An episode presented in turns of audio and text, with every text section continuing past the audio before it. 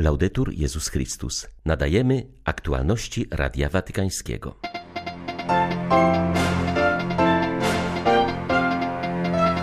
Trwa papieska wizyta w Sudanie Południowym. W waszej wierze, w wewnętrznej sile, w waszych marzeniach o pokoju jaśnieje całe piękno bycia człowiekiem, mówił papież, spotykając się z uchodźcami wewnętrznymi. W czasie spotkania z duchowieństwem Franciszek podkreślił, że od pasterzy wymaga się rozwijania sztuki podążania wśród cierpienia i łez oraz pośród głodu Boga. Mieszkańcom tego najmłodszego kraju świata trzeba pomóc budować ich narodową tożsamość, podkreśla siostra Brygida Maniurka. Drogą ku temu jest przezwyciężanie międzyplemiennych podziałów, co realizowane jest w ramach międzyzakonnego projektu edukacji. 4 lutego witają Państwa ksiądz Krzysztof Ołdakowski i Beata Zajączkowska. Zapraszamy na serwis informacyjny. Przybywam jako pielgrzym pojednania, marząc o towarzyszeniu Wam w drodze pokoju, drodze uciążliwej, której nie można już jednak odkładać na później, mówił Ojciec Święty w swych pierwszych słowach w Sudanie Południowym. Prezydent tego pogrążonego w krwawym konflikcie kraju zapowiedział w czasie spotkania z Franciszkiem nowy etap dialogu pokojowego, który będzie kontynuowany w Rzymie. W dniu przybycia papieża ogłosił też amnestię dla ponad 70 więźniów. Jak podkreśla odpowiedzialny we wspólnocie świętego Idziego za relacje międzynarodowe Mauro Garofalo, już widać owoce wizyty papieskiej w Sudanie Południowym. To właśnie ta organizacja pośredniczyła w rozmowach prowadzących do porozumienia z 2018 roku, kończącego otwartą wojnę domową. Obecna zapowiedź prezydenta oznacza, że do procesu pokojowego na nowo zostaną zaproszone grupy, które nie przyjęły ówczesnych postanowień. Kraj bowiem do tej pory nie znalazł demokratycznych i w pełni pokojowych sposobów rozwiązywania swoich problemów wewnętrznych, podkreśla Garofalo. W wielu regionach panuje przemoc, a pierwsze wolne wybory zostały odłożone o dwa lata na rok 2024, ale obecność papieża, arcybiskupa Canterbury oraz moderatora Kościoła Szkocji zwraca uwagę na potrzebę porozumienia i odnawia motywację do podejmowania odpowiednich starań, zauważa przedstawiciel wspólnoty świętego Idziego. Nadzieję na to, że obecne spotkania przyniosą zmianę, słychać również w słowach mieszkańców tego kraju, gromadzących się, aby uczestniczyć w tych wydarzeniach. Jestem tak bardzo szczęśliwy, czuję się gotowy, żeby zobaczyć papieża na mojej ziemi. I mówię, oby Bóg pobłogosławił nasz kraj i przyniósł tutaj pokój. Modlimy się więc do dobrego Boga, żeby posłał swojego ducha oraz swoją mądrość naszym przywódcom, by oni potem wprowadzali pokój w naszej ojczyźnie.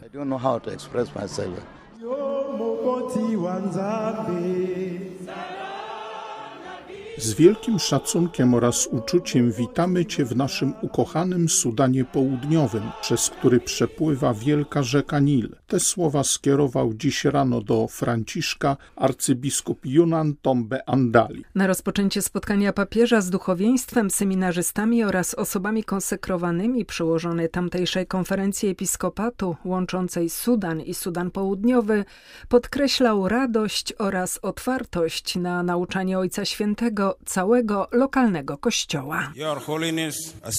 Wasza świątobliwość, kiedy wspominamy wraz z Najświętszą Maryją Panną łaski i cuda, które Bóg okazał nam tu, w Sudanie i w Sudanie Południowym, możemy rzeczywiście zaświadczyć, że pomimo życia w cieniu wojen domowych ze wszystkimi płynącymi z nich zniszczeniami, Kościół nigdy nie przestał wypełniać swojej kapłańskiej, prorockiej oraz pasterskiej roli. Wspólnota wiernych napotyka na liczne wyzwania podczas swojej posługi.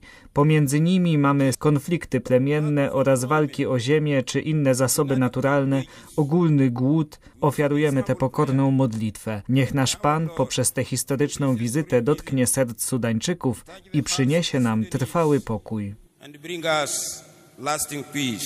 Ojciec Święty odwołał się do obrazu Nilu przepływającego przez Sudan Południowy, jakby był jego kręgosłupem. Franciszek stwierdził, że z jednej strony wody tej rzeki niosą w sobie krzyk bólu ofiar konfliktów, dramat uciekających ludzi i strach w oczach dzieci, a z drugiej strony są znakiem wyzwolenia i zbawienia.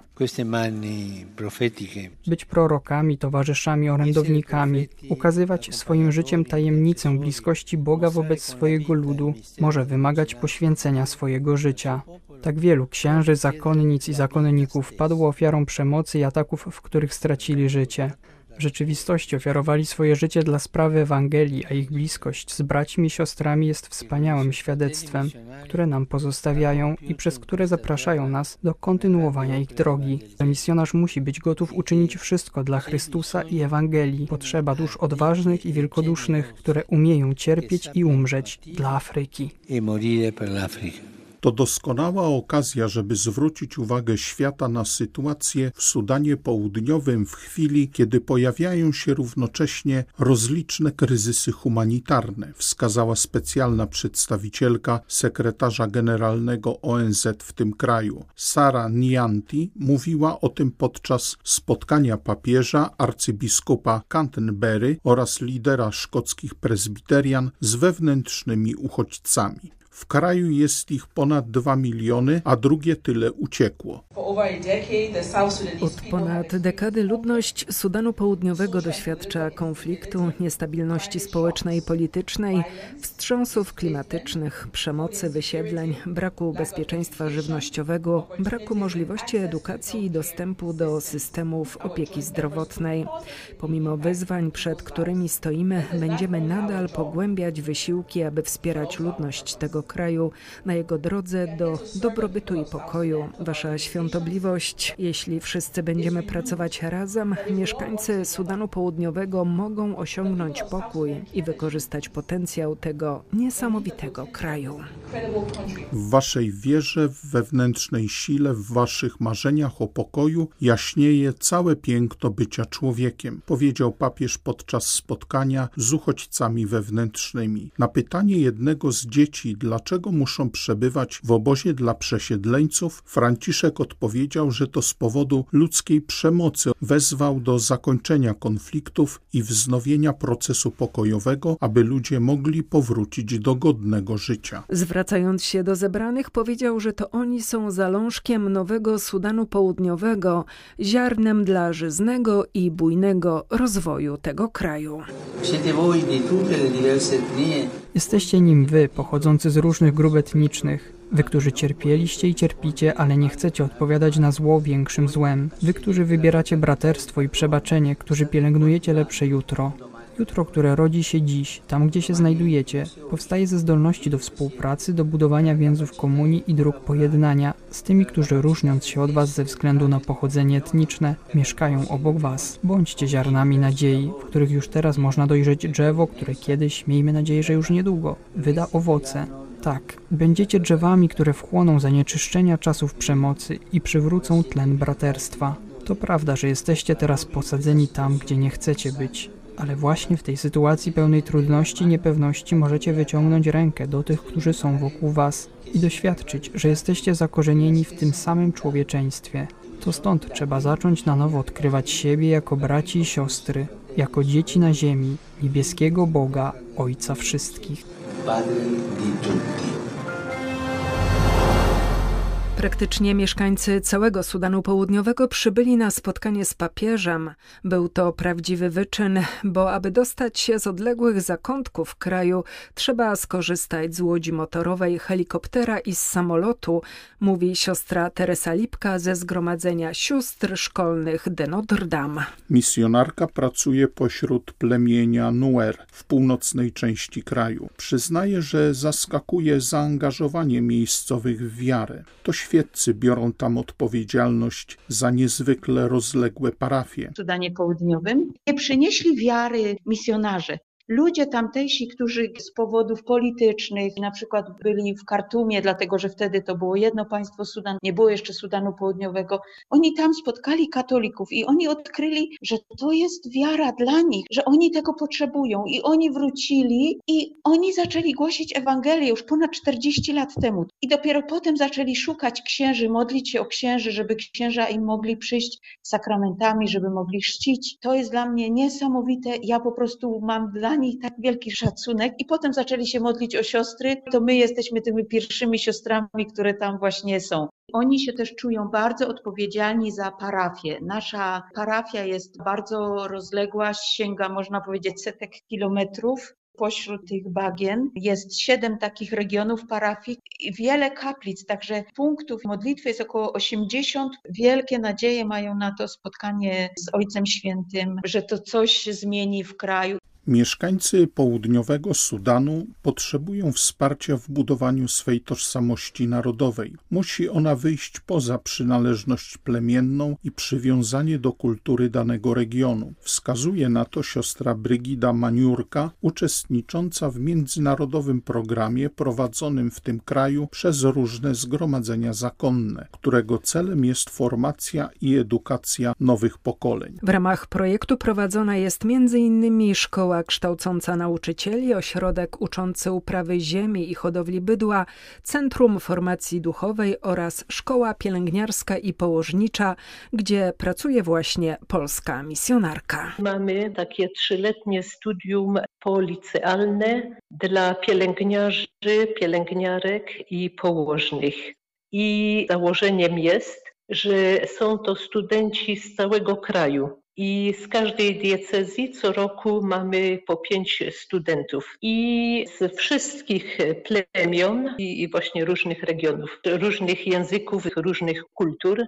Co mnie uderza właśnie, jak przychodzą na pierwszy rok. Prawie, że wszyscy są niedożywieni, wychudzeni, schorowani. To obrazuje społeczeństwo, jak żyją. I założeniem tej organizacji też jest, że jak oni skończą tutaj, zdobędą zawód, to wracają wracają do siebie, by tam pracować dalej. 70% społeczeństwa ma poniżej 30 roku życia, także warto zainwestować. I naprawdę bardzo wiele osób chce się uczyć, chce budować ten kraj, tutaj ten naród. Ludzie z wielką nadzieją czekają na wizytę papieża. Tak jak mówią, papież przyjedzie, żeby oczeć nasze łzy. Pokój i dobro to franciszkańskie przesłanie przynoszą do Sudanu Południowego polscy kapucyni, dołączając do pokojowej misji papieża Franciszka.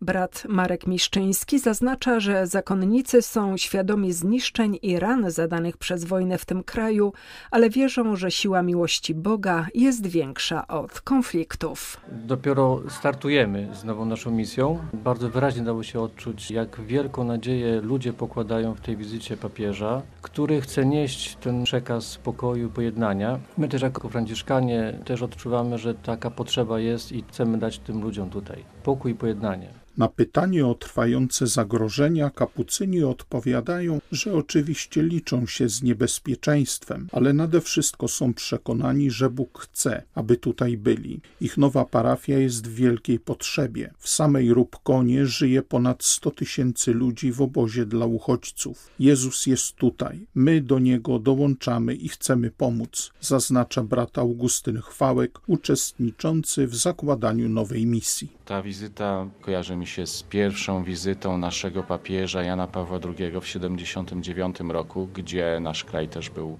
trakcie wielkich przemian. Życzę temu krajowi, żeby wizyta papieża bardzo pomogła w budowaniu pokoju, jedności. W naszej parafii jest dzwon, na którym są ślady po kulach. Myślę, że ten dzwon jest takim dobrym obrazem ludzi w południowym Sudanie. Z jednej strony poranionych wojnami i niosących ogrom cierpienia, a z drugiej strony też to, że dzwon do dzisiaj dzwoni, jest takim znakiem wytrwałości w wierze tych ludzi i też siły siły, które ten naród ma w sobie. Były to aktualności Radia Watykańskiego. Laudetur Jezus Chrystus.